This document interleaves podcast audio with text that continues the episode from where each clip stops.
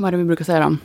Jag brukar säga så här, hej och välkomna till mörkret. Och så säger du, Sveriges skevaste podcast för hjärnsneda. precis.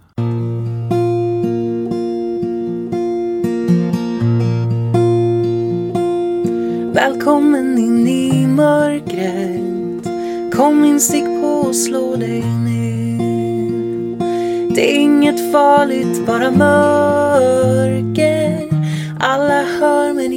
ser Välkommen in i mörkret Kom in, stick på och slå dig ner Det är inget farligt, bara mörker alla hör men ingen ser. Hej och välkomna till mörkret. Sveriges skevaste podcast för hjärnsneda. Med mig Johan och dig Angelica. Vad roligt att se dig Angelica.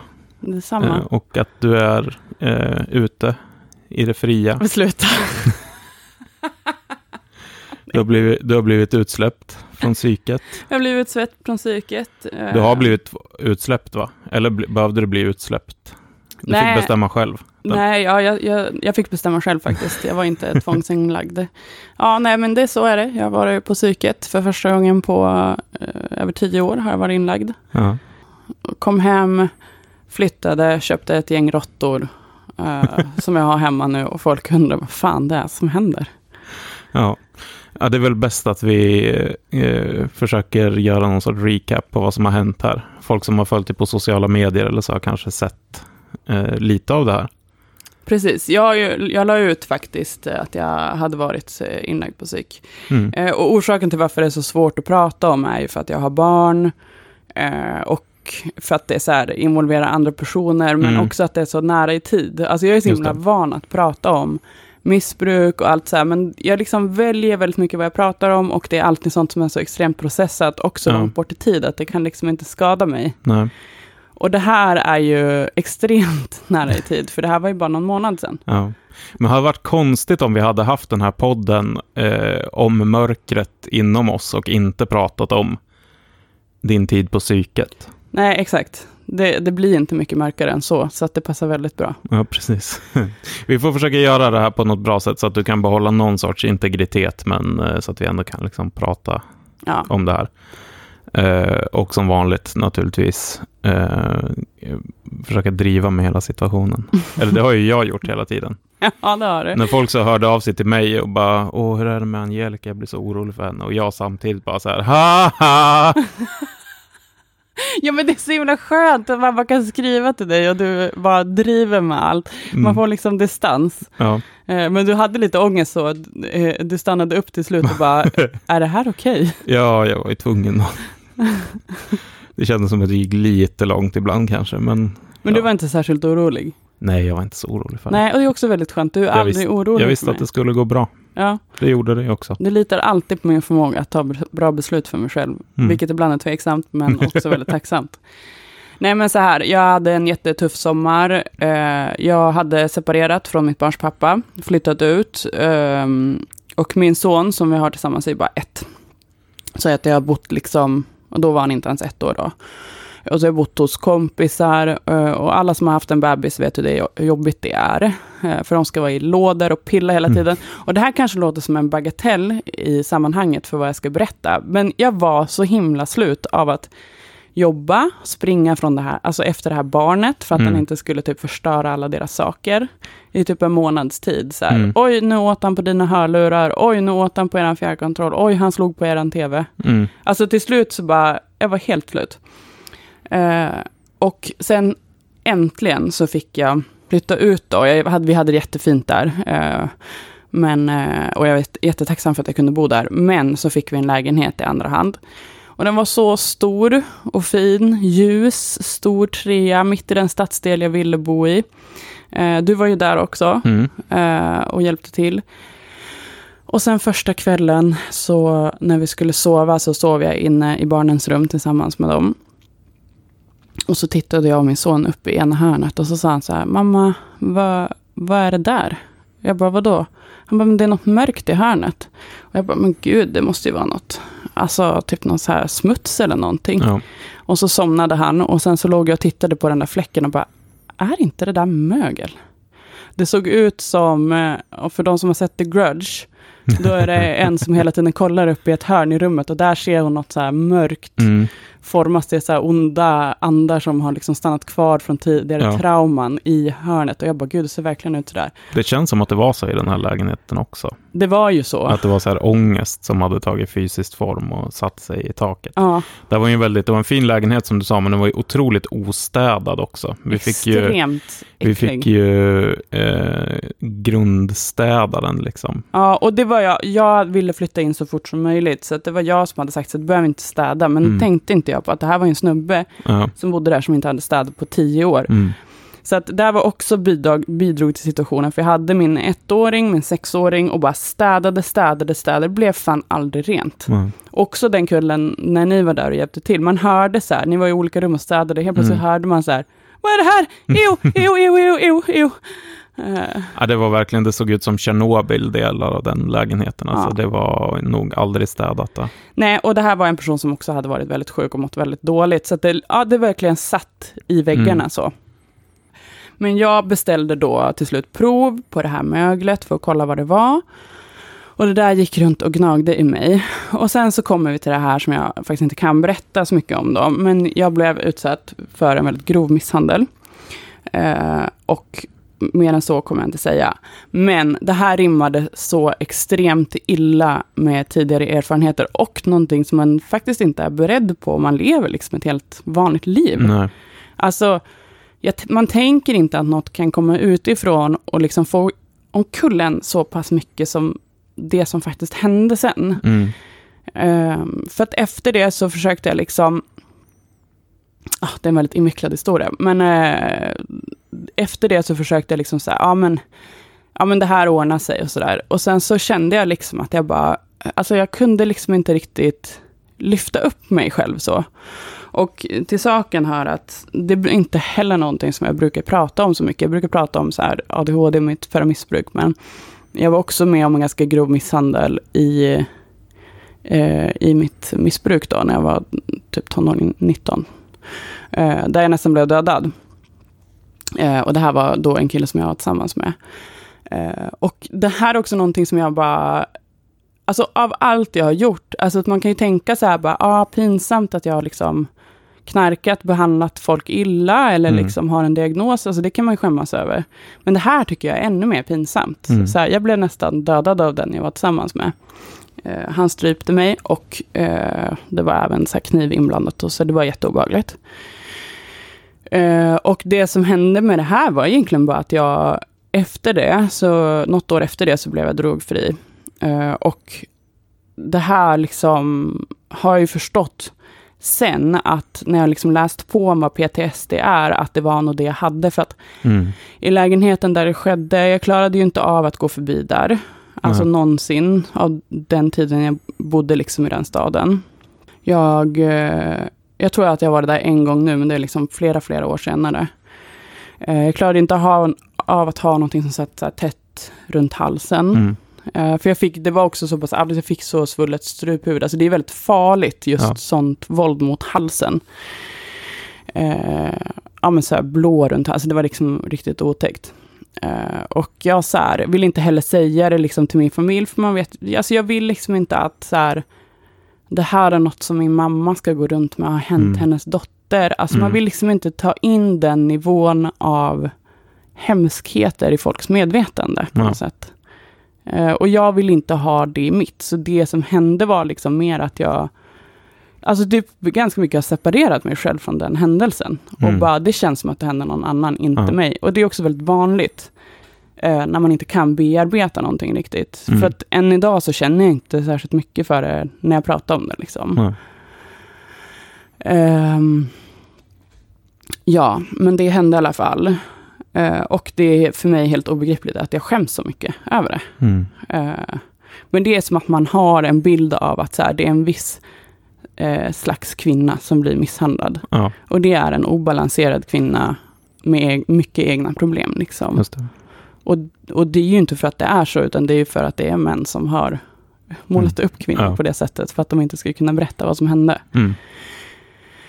Så, men, eh, och det här hakade fast väldigt mycket i den händelsen. Eh, Och så här, jag kände att jag började må allt sämre. Eh, Men hade ändå barnen och så. Och så tänkte jag så här, men jag, jag, fick mycket ångest. Jag bara, men jag hör av mig till psykiatrin och så säger, frågar om jag kan få liksom någon medicin nu. Mm. Bara så här, under den jobbigaste tiden. Och så kanske det blir bättre sen. Mm. Så jag fick en sån svag bensodiazepin. Och det är en medicin som jag aldrig har tyckt om, aldrig har missbrukat. Alltså, eller jag har ju provat och det har alltid blivit jättedåligt. Jag Mm. liksom inte, det är inte något som jag mår bra av. Så jag tänkte så här, men det här är ändå ett alternativ. Eh, och typ någon gång har jag fått det också, så har det funkat så här, om jag har haft någon kris, alltså typ någon, en gång. Så jag tänkte så här, men jag provar det. Men det blev verkligen bara värre. Ja. Eh, för att... Nej, alltså jag vet inte om jag har någon slags allergi mot den här medicinen, men det, alltså min ångest blir typ värre. Mm. Ehm, så jag försökte liksom med den under en veckas tid, för, för man vill ju inte heller om man har barn ta någonting som man blir påverkad av. Nej. Så då ville jag gärna ha något svagt som jag inte blev dåsig av, så det var också en del av beslutet. Och sen så var barnen hos sina pappor. Och jag fick till slut det här äh, svaret på det här mögeltestet. Mm. Och då visade det att så här, det var extremt höga halter av det typ ex, mest extremt dåliga möglet som fanns. Eh, och jag förstod så här, jag kan inte vara kvar här med mina barn och särskilt inte min ena son som har astma. Mm. För det kan ju ge permanenta skador liksom. Mm.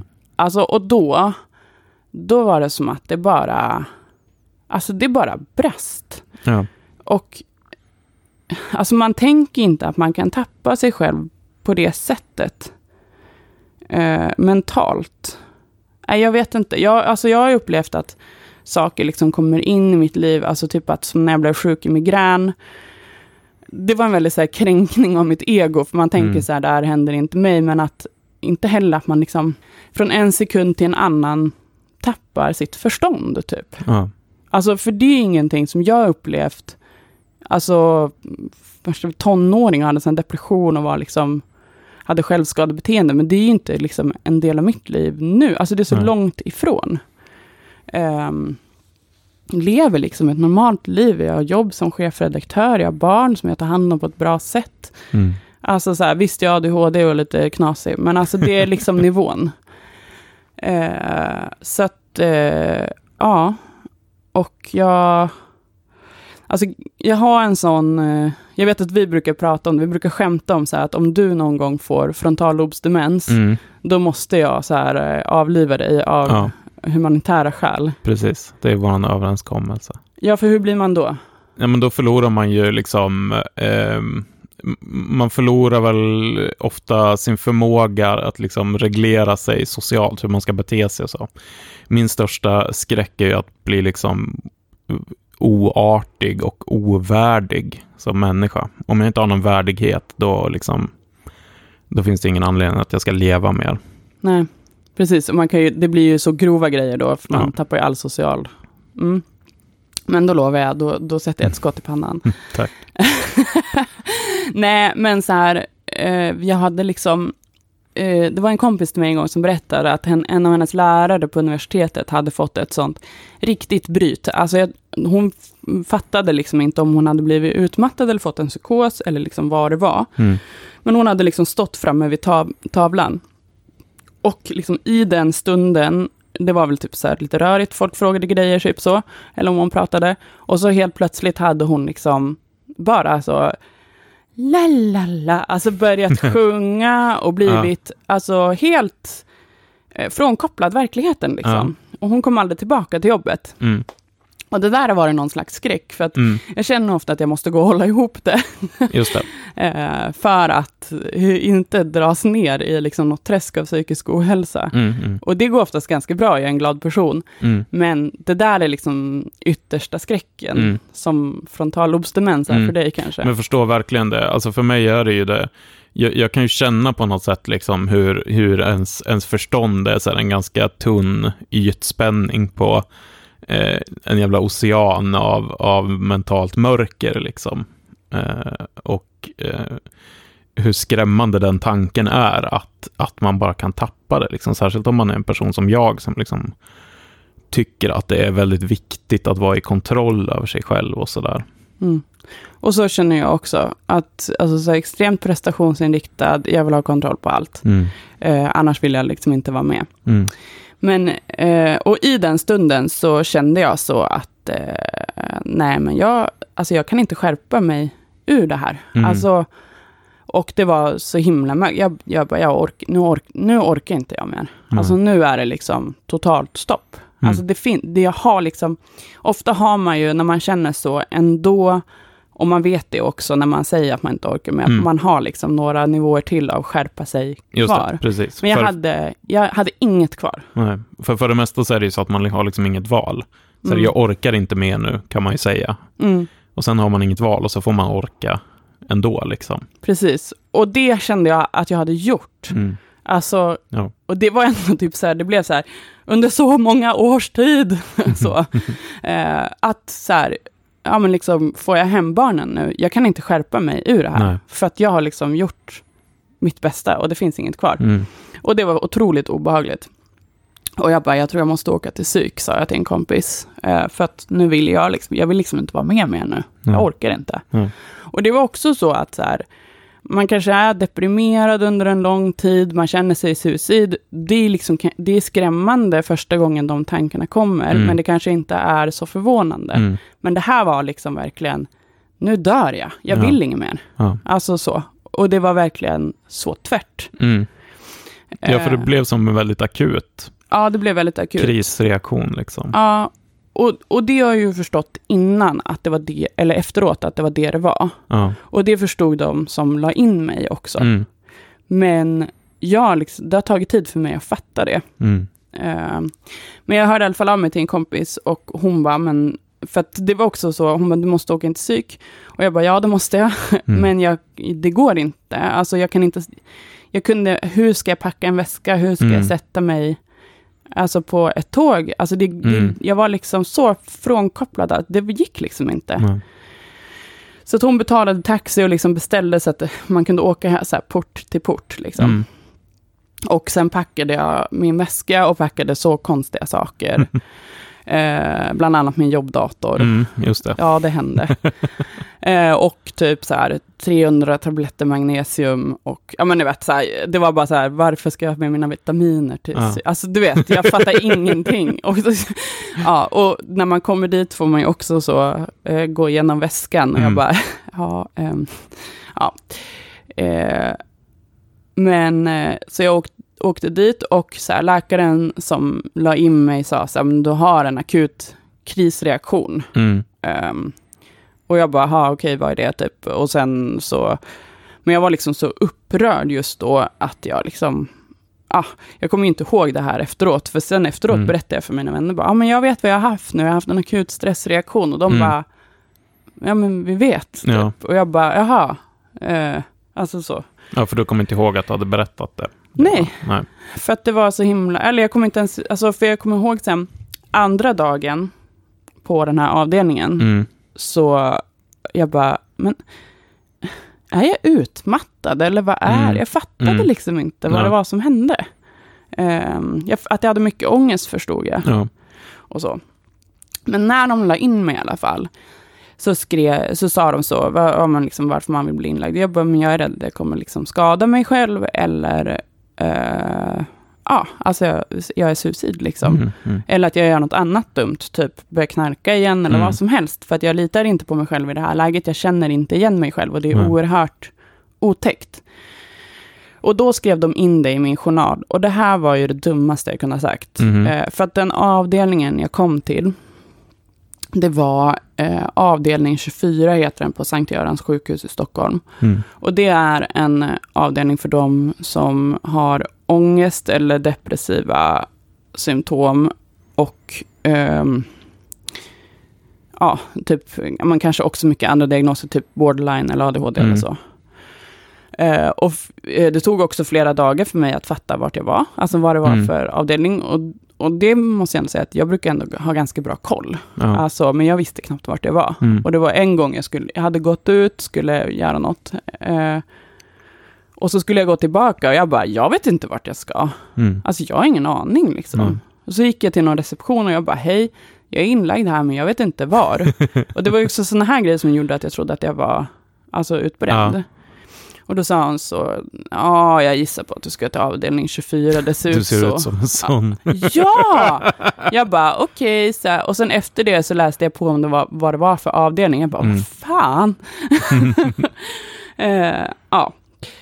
Ehm, men det var liksom ehm, att, jag, att jag hade, och det var det mest otäcka, att jag kunde ha liksom flera timmar av alltså disassociation, att jag var Mm. liksom inte i min egen kropp ens. Och det här var något som hände liksom från att jag blev inlagd, jag var inlagd i tio dagar, men kanske typ i två veckors tid. Mm. Och sen var det som att det bara klingade av av sig självt Ja. och jag mådde som mig själv igen. Ja. Eh, var inte alls rädd för liksom oberäkneliga känslor eller, Mm. alltså som mig själv, fast väldigt trött typ. Mm.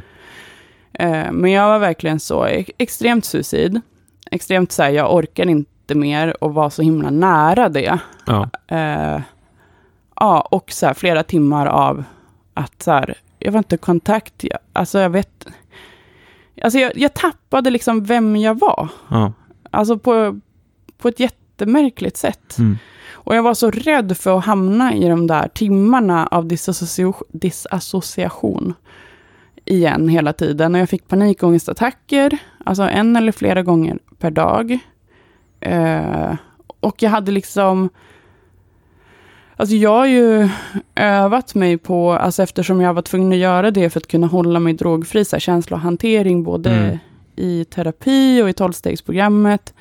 Så att så här, en stark känsla för mig nu för tiden, det är inte så himla farligt. Alltså Nej. det är ingenting som jag känner mig hotad av. Men det här var liksom något helt annat för att allt det jag har lärt mig gick inte att applicera på det här. Nej. Och det här försökte jag förklara för dem. Och de var så, mm, vill du ha en ishandske? Just det. Jag bara, va?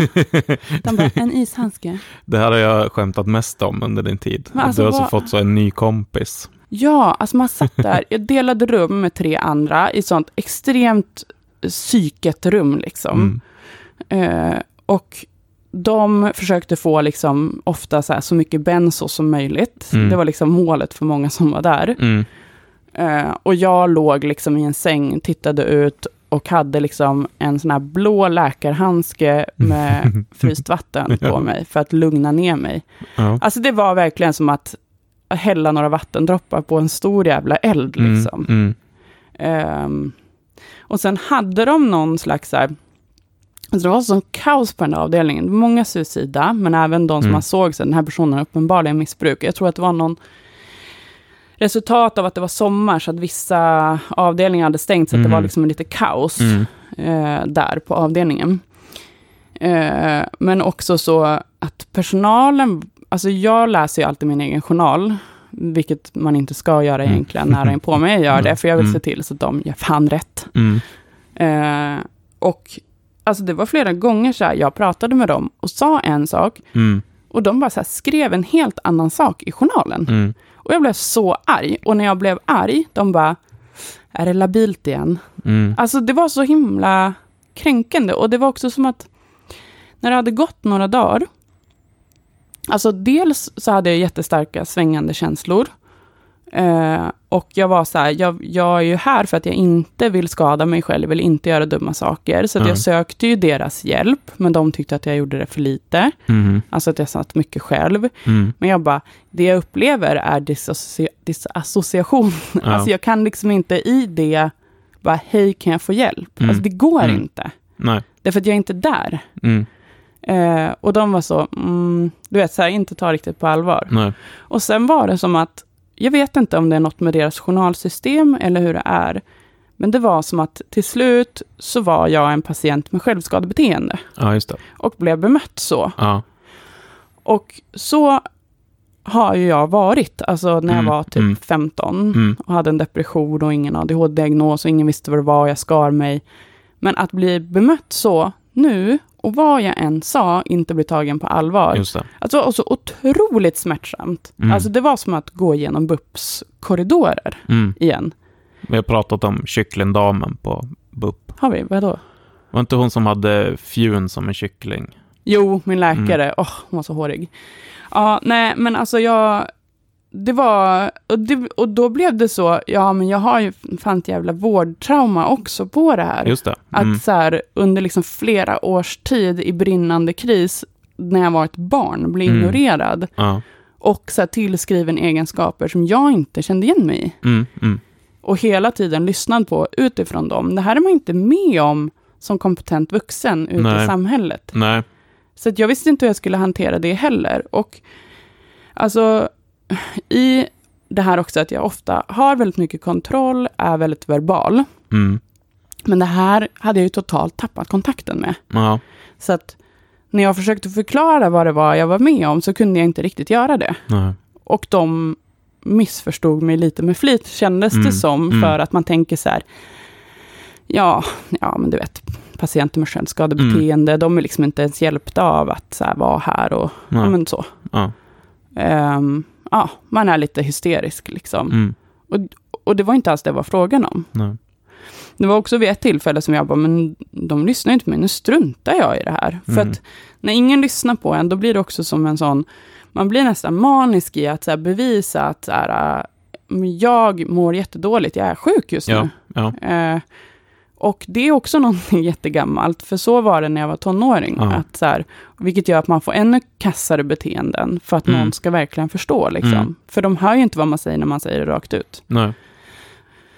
Så då, men då var det så att jag bara, nu ger jag upp. Alltså jag, jag bara, jag går härifrån, jag ger upp. Mm. Och så, liksom i allt det här så var det ju att vara en mamma Mm. som var inlagd på psyk. Liksom. Och mina barn visste ju inte om det.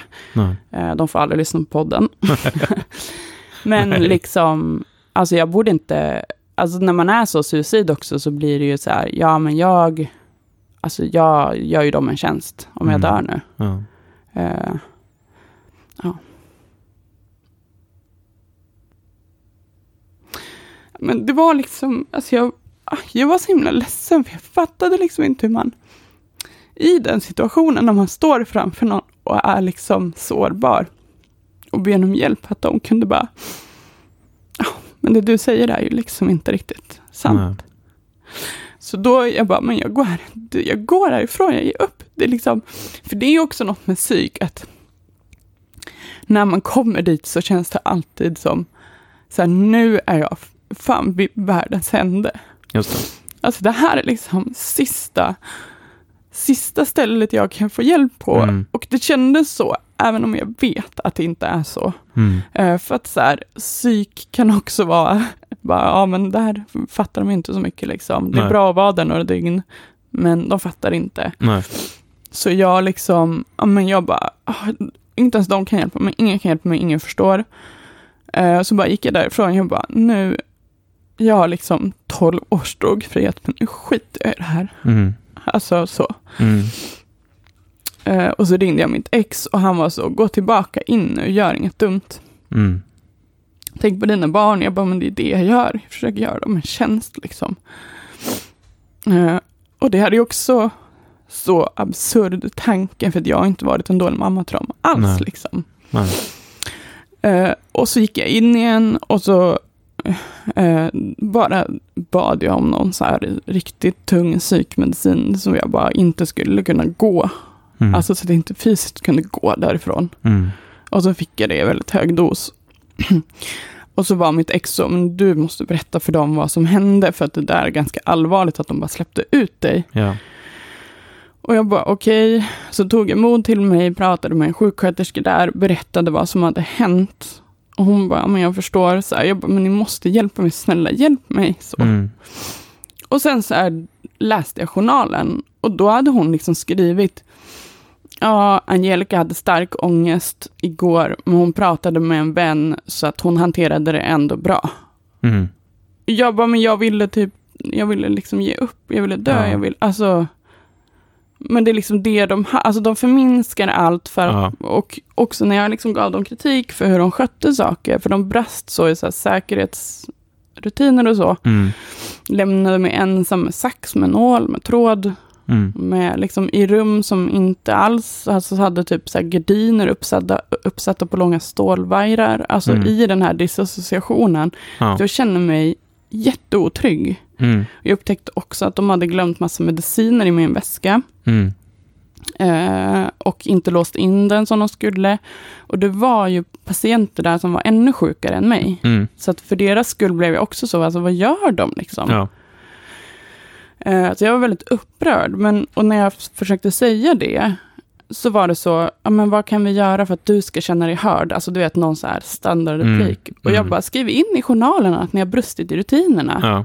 Och så var de så, mm, alltså vi ska ta upp det i personalgruppen, men jag tror inte att vi skriver det här, för du kommer nog ångra det. Ja.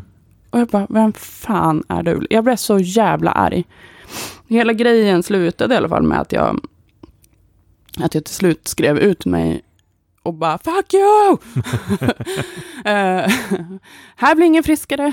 Eh, och ehm, eh, så eh, till slut, och så ringde överläkaren mig när jag var på väg därifrån och liksom genuint bad om ursäkt och skrev in i min journal på eget initiativ Ja.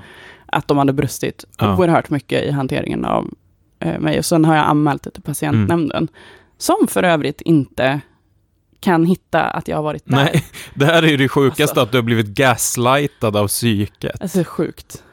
Att de, för att de bara säger nej, hon har aldrig varit inskriven hos oss. Och jag bara, jo, jag har det. Läs i journalen. det är liksom 18 miljoner journalanteckningar. Mm. Nej, nej, vi kan inte se att du har varit här. Men är du, är du säker på att du har varit där? Du har inte bara haft en tio dagar lång psykos. Du har kanske varit så under någon bro.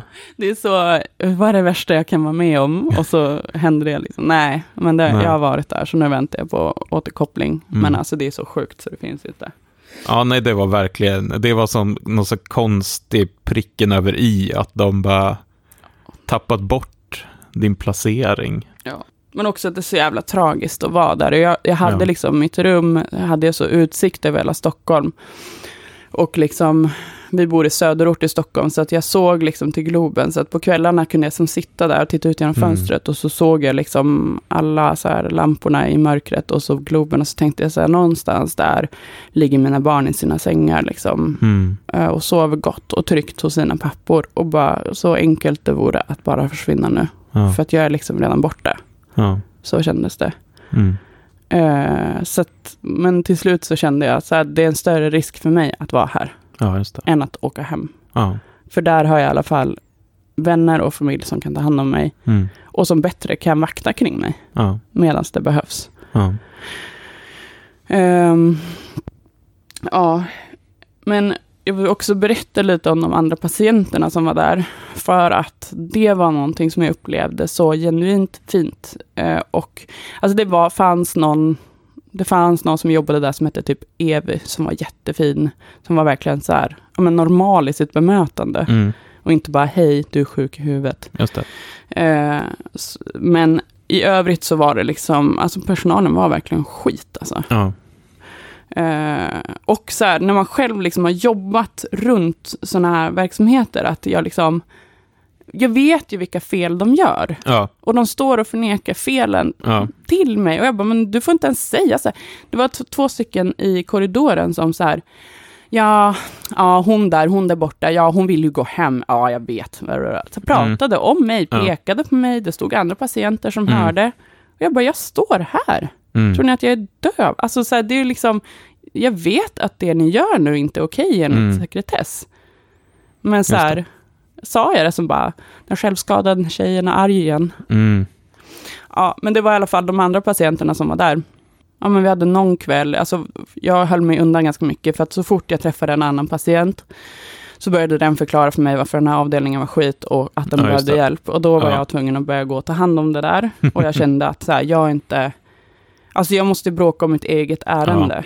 Ja. Jag orkar liksom inte, för det var lite så att jag höll på, du, det är en patient som sitter där som har gråtit i en jävla timme. Mm. Gå och fråga hur hon mår, var en medmänniska. Mm. Alltså så fick jag liksom hålla, hålla på. Ja.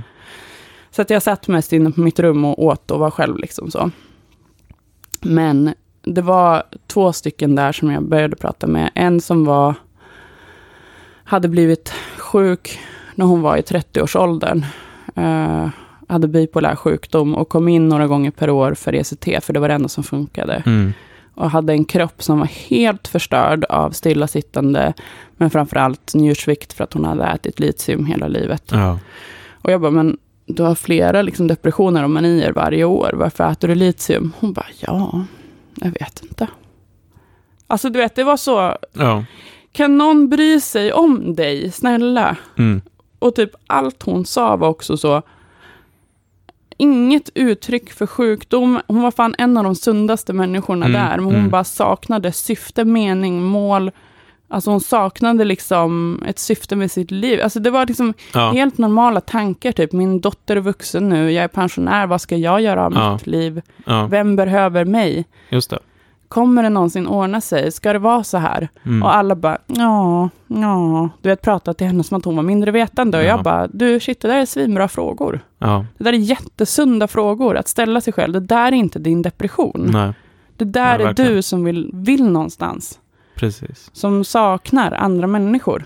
Alltså jag tror, vi ska gå in på det här i, i det här lite djupare i något kommande avsnitt tror jag, så jag ska inte göra för lång utvikning om det här, för det här är en grej som vi verkligen har pratat om, både när du låg inlagd och efter och sådär, men liksom så här vad, vad som är vad. Men jag läste bara igår en artikel där, där, som citerade en forskare vid Johns Hopkins som hade tittat på typ så 6500 patienter med depression, eh, som fått diagnosen depression och kommit fram till att egentligen så var det bara kanske 30, det var bara 38 procent av dem som egentligen hade depression, alltså depression eh, i, som når upp till eh, diagnoskraven liksom.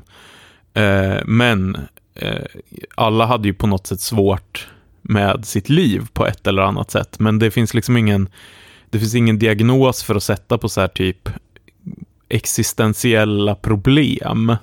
Eh, vilket gör att man ger dem di- diagnosen depression och man ger dem medicin, vilket då den här artikeln som jag läste också pratade om att kanske en anledning till att så här, antidepressiva funkar rätt dåligt, alltså har ganska så här, låg Ja, det är typ hälften som blir hjälpta. Precis, det kanske beror då på att många som får den inte är deprimerade i en så klinisk bemärkelse, utan de har andra problem. Men det finns inget sätt, vi har inget sätt, vården har inget sätt att hantera det här, förutom att göra det till ett individuellt medicinskt problem, som man förhoppningsvis kan av- avhjälpa med medicin. Och det här är verkligen ingen så här eh, anti, så här, scientolog, antipsykofarmaka-propaganda. Liksom. Vissa människor behöver verkligen antidepressiva. Mm. Men, men problemet är ju att vi, vi har som, liksom, som samhälle, vi har medikaliserat så mycket av, av det mänskliga tillståndet att vi har svårt att hantera det här som den här kvinnan som du berättade om, som egentligen i grund och botten har ganska stora så här, existentiella frågor och kanske inte riktigt ett språk och ett sammanhang för att hantera det. Och då säger man att okej, men då får väl du eh, liksom fortsätta gå på litium livet ut. Mm. Ja, jag tyckte synd om henne. Hon hade sån njursvikt, hon kunde inte ens ta en Alvedon. Liksom. Mm. Hon hade så ont i kroppen efter alla år av liksom, isolering och stillasittande. Mm. Men också så här jättekontaktsökande, umgicks med alla och Mm. ja, man bara, jag ville liksom ta henne i handen och gå till kyrkan typ. Ja. Och bara, kan du sätta dig i det här rummet? För där, i den där ideella organisationen så behövs du. Mm. Du har jättemycket tid, du är Mm. jättevettig. Just det. Eh, men det, så blev hon ju aldrig någonsin bemött. Nej. Eh, men sen så var det också en annan där, en, en kille som eh, hade autism. Också haft 18 diagnoser, jättemycket mediciner och sen till slut hade de liksom fattat så här, bara shit, du har typ autistiska utbrott och PTSD. Mm. Ja, det var inte så mycket mer än så. Och Nej. så här, börjat må mycket bättre då. Mm. Och honom verkar de faktiskt ha hjälpt bra liksom. Det var dock en annan avdelning som hade sommarstängt. Det var inte den avdelningen. Mm. Mm. Eh, men det var typ han som hjälpte mig mest för att han, han hade ett sätt som gjorde att jag kom i kontakt med det som jag förvånansvärt tappade så extremt fort när jag kom in där. Och det var liksom att så här, men jag är liksom en kompetent, frisk person. Mm. Mm. Och han typ så såg det och bekräftade det. Först tänkte jag bara, sluta prata med mig, typ så här, Ja. obehaglig du är. Mhm. Men sen liksom, så var det någon dag, vi hade suttit där och skrattat och vi hade försökt hjälpa henne liksom med vården och så här, vad hon behövde, eftersom Mm. ingen annan gjorde det. Ja. Eh, och han var så här jättebra, och liksom, det var en så person som jag bara, jag skulle kunna vara kompis med han, alltså Mm. så fin människa. Eh, men som bara hamnat så snett. Mm. Eh, och numera var inlagd ändå flera gånger per år. Liksom. Ja. Eh, varje månad tror jag till och med. Mm. Men i alla fall, jättesund. Och han sa så här, alltså har du tänkt på en sak? Jag bara, vadå? Han bara, nej, men alltså när du pratar, alltså oavsett om det är patienter eller personal omkring dig, så blir det helt tyst och alla lyssnar på vad du säger. Mm. Han bara, det är ganska häftigt att se. Mm. Och så blev jag liksom generad och bara, men sluta. Eh, men sen så bara var det som att det så landade i mig. Jag bara, just fan, det här är ju också jag. Mm. Eh, och då började det också växa någonting som växte väldigt starkt till så här, fuck you! Nu Mm. går jag härifrån! Ja. För ni kan inte göra ett piss, ni, ni bemöter inte mig så här. Så här, så här behandlar man inte mig. Eh, och allt det där jävlar anammat hade ju totalt dött innan och hade nog inte kommit tillbaka eller på samma sätt om det inte var för han. Mm. Eh, för jag har väldigt starkt sånt i vanliga fall. Liksom. Mm.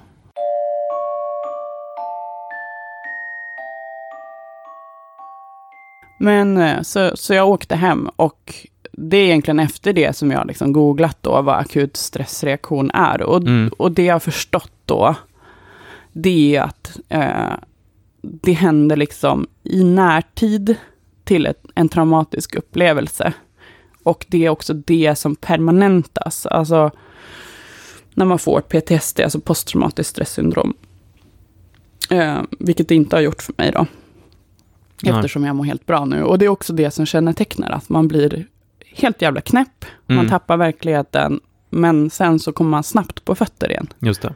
Så man kan säga att det är som en, ehm, en ganska akut reaktion på en kris. Liksom. Mm. Och när den krisen blir för, eller den stressen blir liksom för svår att, att eh, hantera i stunden.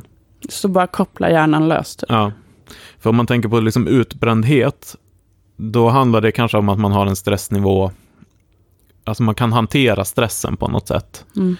Eh, eller ja, det kan man ju upp- uppenbarligen. Men, men alltså man har en stressnivå i vardagen så att, så att man funkar. Och så har man den under väldigt lång tid. Mm. Och får inte den här återhämtningen och så. Och då får man ju liksom, ja men det vi kallar för utbrändhet. Och, eh, men, men här handlar det ju på något sätt om att du får en, en så, eh, liksom inte under lång tid, utan vid ett tillfälle så får du en sån extrem stress att det Mm. inte går att hantera. Mm. Precis, och det kan ju vara en liksom allvarlig olycka eller misshandel eller vad som helst. Mm. Och för mig blev det ju som lite förskjutet för att jag liksom försökte, kanske borde ha förstått tidigare att så här, blir man utsatt för något sånt här så är det ganska allvarligt. Men jag Ja. är så, eh, nu skärper vi oss. Mm. Och det, eh, jag har ju liksom träffat läkare på psyk efter det här, men det är fortfarande ingen som har satt sig ner ordentligt och sagt, Nej. det här hände. Ja, Eh, men det har jag bett om nu, jag har en ganska bra mottagning, så de, Ja. de ska göra det. ja, Men nu har det ändå gått, vad är det, typ en och en halv månad. Mm. Så att jag kom basically hem, eh, behövde flytta igen och Mm. började jobba och bara, "Ha, nu har vi deadline. Och har väl kanske inte pratat om det så jättemycket någon gång på Instagram, men inte Mm. så. Ja, och sen köpte jag en massa råttor. eh, för jag kände att jag behövde hålla mig upptagen med något. Också vänta, så traumatiserade. Du har väl inte köpt någon råtta ännu? Jo, jag, Jaha, du har köpt jag har paxat två, de Ah, kommer okej. sen. Men jag har ju en som jag Mm. bi- blir biten av. Jag bara, misshandeln bara fortsätter. alltså, Du har också köpt... Kan vi prata om det här med att du har köpt en råttbur som är... är- Den är ju kanske på riktigt en åttondel av din lägenhet eller något sånt. ja, men nu bor vi ju i, på 30 kvadrat. Ja. Och jag köpte en råttbur och jag tänkte så här, ja men den här det blir väl bra, den är stor och bra, men jag tänkte inte på hur stor den var. Nej. Och de, när jag skulle köpa den sa de så här, men jag bara, kan ni, kan ni skjutsa den till mig så här? Några privatpersoner. De bara, Mm. alltså den går inte in i bilen. Jag bara, konstigt, vad liten bil ni måste ha.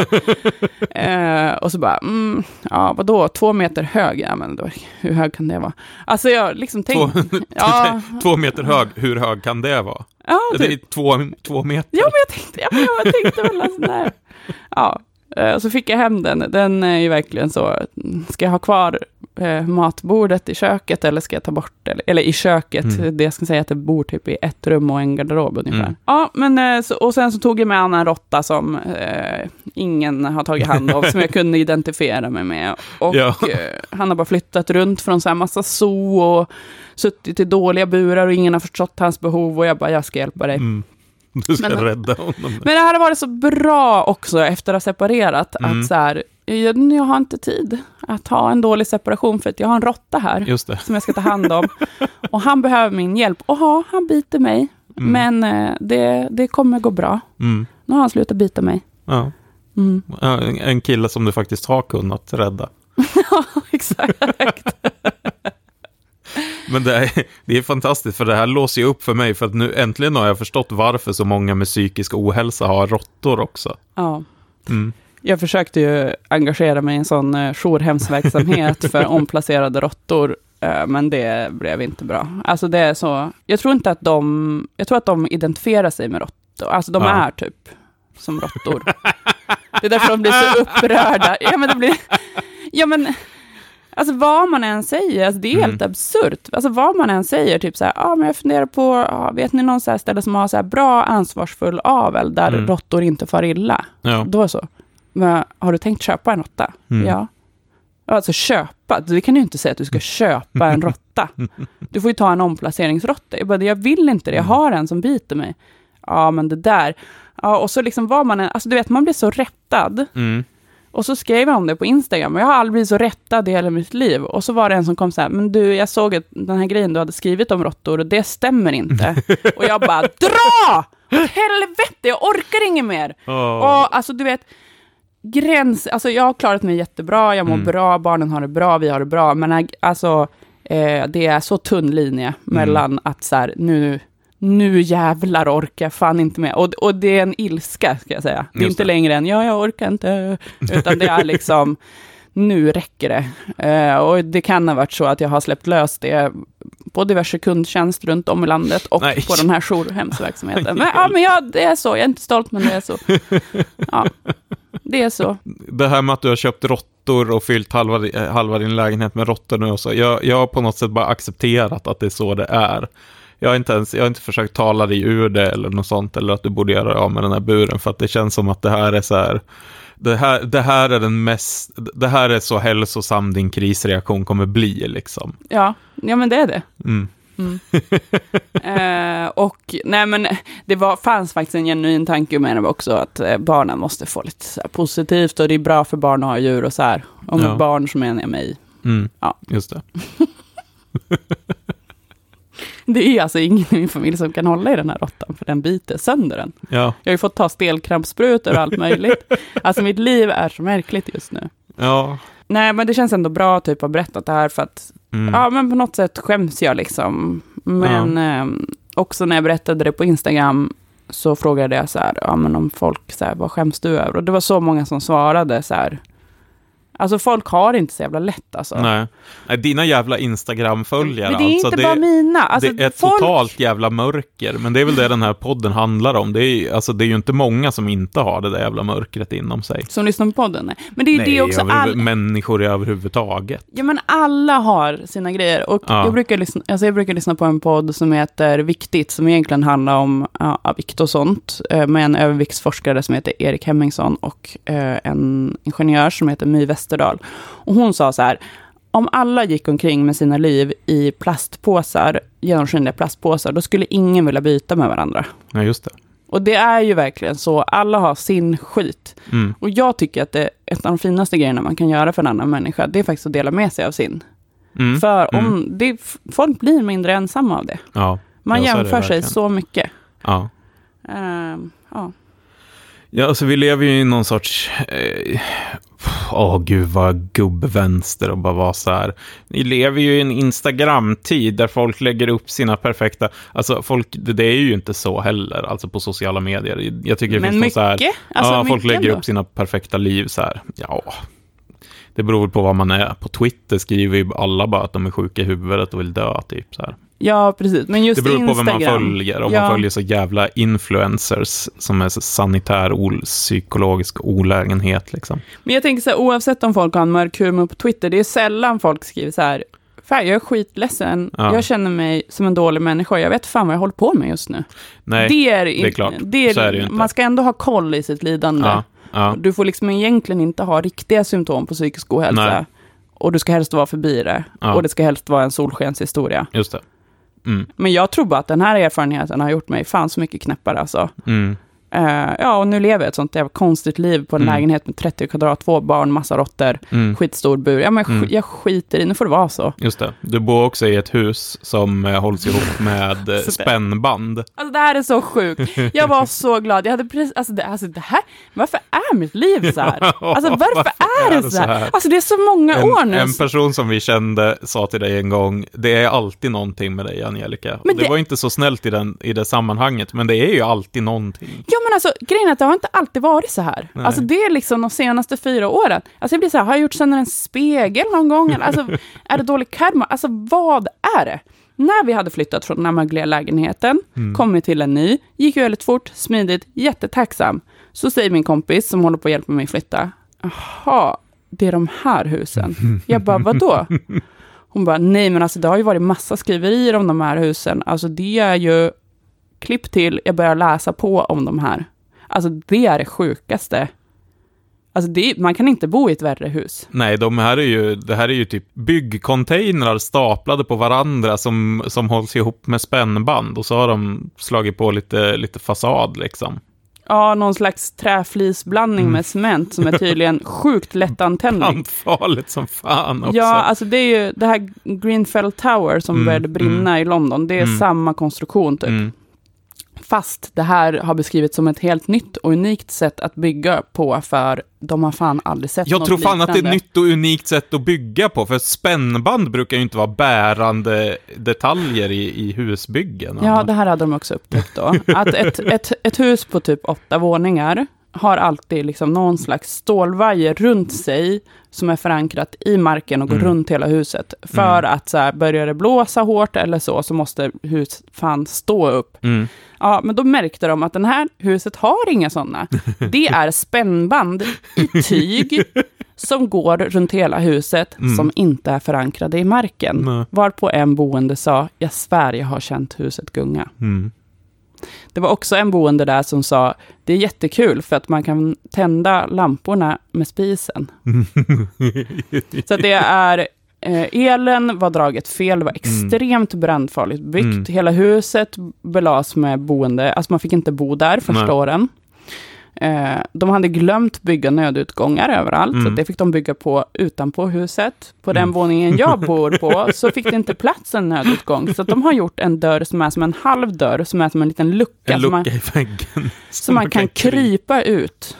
Eh, och man kommer ut under en ståltrapp. Mm. Eh, hissen har fått användningsförbud ungefär 15 gånger. Mm. Jag har kollat upp alla de här sakerna eftersom jag befinner mig i en akut stressreaktion. Ja. Kris och stressreaktion. Så jag kollade upp det här, behöver jag köpa en egen jävla brandstege för att ta mig ut? Och svaret är ja, det behöver jag. Och troligtvis borde vi inte använda hissen. Ibland när man trycker på att man ska till våning två så hamnar man på våning ett. Ingen vet varför.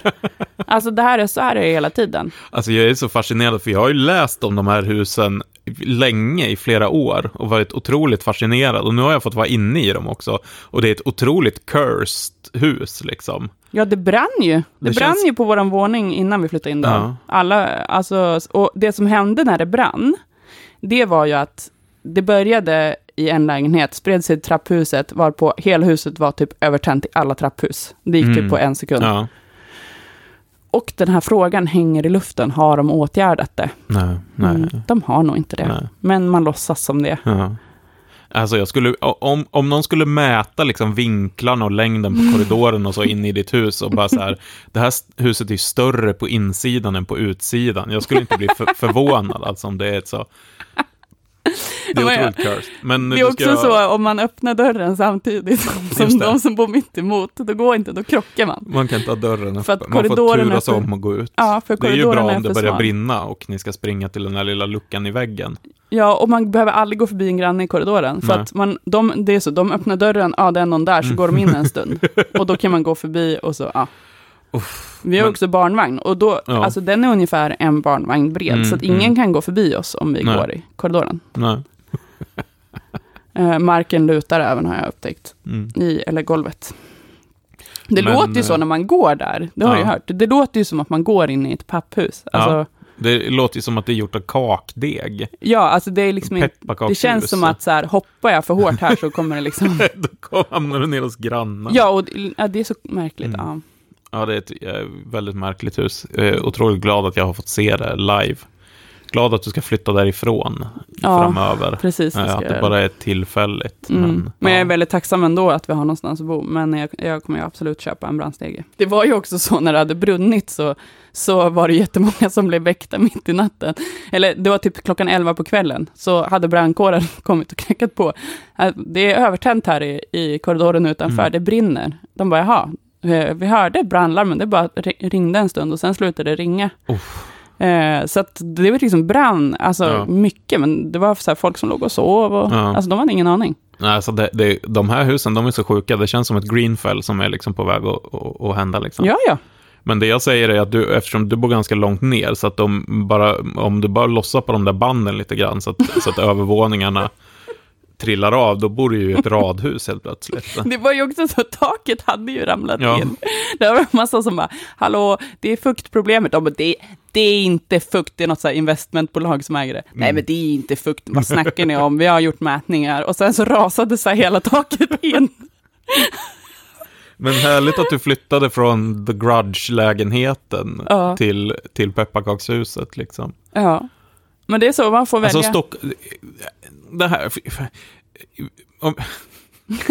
och vi ska prata om så här, psykisk ohälsa och, så, och, och att medikalisera och individualisera psykisk ohälsa. Men så här, fatta vad Stockholms bostadsmarknad gör för psykisk ohälsa liksom. Verkligen. Och det var ju där mitt bryt kom också. Ja. Alltså, okej, okay, men nu blir vi hemlösa. Ja. Ska vi andas in mögel, ska vi mm. bli hemlösa eller ska vi bo i ett hus som hålls ihop av spännband? Ja, ja det blir spännband. Du var mycket inne där på ett, ett tag på att du skulle bo i ett tält. Ja, jag tänkte tälta. Typ under en bro. Mm. Jag tyckte inte det var en jättebra idé, men, men samtidigt så, du var så bestämd att du skulle göra det, så då tänkte jag, ja, då, då blir det väl så. Ja, men vad, vad ska man göra då? Ja. Alltså, vad ska man göra då? Ja, du hade ju fått bo hemma hos folk. Du hade ja, fått jag bo vet. hemma hos mig om men du ville trött. det. Men jag, jag orkade fattade att du inte ja. ville det. Men alltså det blir också så här, folk, folk kan inte lämna dåliga relationer, för de kan Nej. inte få en lägenhet. Nej. Alltså så här, folk kan inte flytta hemifrån. Mm. Folk kan liksom inte, man har liksom inte förutsättningarna för att må bra. Så ska man gå runt och skämmas för att man fucking, alltså, ja. lider av psykisk ohälsa. Ja. Alltså man är, man, man är trampad på redan som det är. Ja.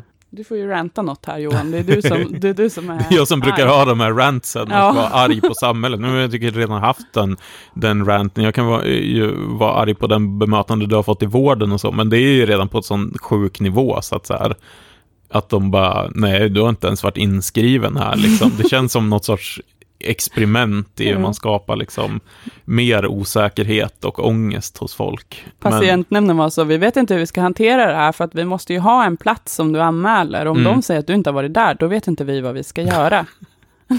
så, så jävla sjukt sätt att lösa problemet på, och bara förneka att det har hänt. De behöver ju någon sorts vård, ja. vård liksom. Mm. Jag är på en sån svart lista. Mm. Om någon ringer nu, säg att hon inte har varit här. jag kollade upp när vi pratade om det här, eller när du berättade om din diagnos, så tittade jag lite på så här riskfaktorer för att drabbas um, uh, av um, akut stressreaktion. Akut stressreaktion. Uh, och uh, bland de viktigaste faktorerna är sårbarhet i form av tidigare psykisk ohälsa eller trauma. Alltså man, ett tidigare trauma än det som kanske utlöser det här. Eh, aktuella psykiska besvär eller hereditet för psykisk sjukdom, alltså ärftlig, man har psykisk sjukdom i släkten. Eh, smärtproblematik. Låg begåvningsnivå. Det, var ju här har- det var ju här som jag började retas. Ja, det här har ju varit återkommande under hela sommaren, från både dig och din tjej, Mm. det här med låg begåvningsnivå, att ni beklagar att det är så det är. Ja. Låg eh, socioekonomisk status, inklusive utbildningsnivå, brist på socialt stöd och ung ålder. Så det sista där kan ju vara, det kan du ju känna dig eh, smickrad av i alla fall, att de tycker att du är ung. mm. Men sen så fanns det också en annan lista som var så här, beteendemönster i form av perfektionism, regelstyrning, prestationsbaserad självvärdering, ångestbenägenhet, överdrivet ansvarstagande, hög aktivitetsnivå samt beteenden kopplade till extrem tävlingsinriktning, otålighet, dominans, svårigheter att komma ned i varv etc. Det här är ju mitt CV typ. Ja, men mitt Det är ju med. typ mitt personliga brev. Ja. Så jag blir lite orolig här. Det känns som att jag är, är eh, också mitt i riskgruppen här. Ja, nej, men du kan aldrig bli utsatt för någonting. Nej, Nej, Precis. rör inte Johan, han är fan glas. jag måste, ut, jag måste undvika alla former av trauman och så, för Ja. det, det kommer inte funka. Då kommer det... Det blir psyket direkt. Nej, men jag känner mig också... Avdelning 24. Alltså det kändes också som en så beskrivning av min Ja. personlighet. Ja. Eh, också det här med extrem tävlingsinriktning. Mm. Alltså, Det har inte jag riktigt på det sättet. Alltså jag tävlar inte riktigt med andra, men ja. nej. Nej. Ja, men det, det, det om det och det om akut stressreaktion. Mm. Mörkret är tillbaka. Tjoho! Ja. Vart finns vi på sociala medier? Vi finns på sociala medier, vi finns på eh, Mörkret Podcast eh, på Instagram, vi finns eh, på Facebook eh, eh, som Mörkret Podcast. Eh, jag finns på Twitter som att ordförande Johan och du finns på Instagram som Angelica Ogland. I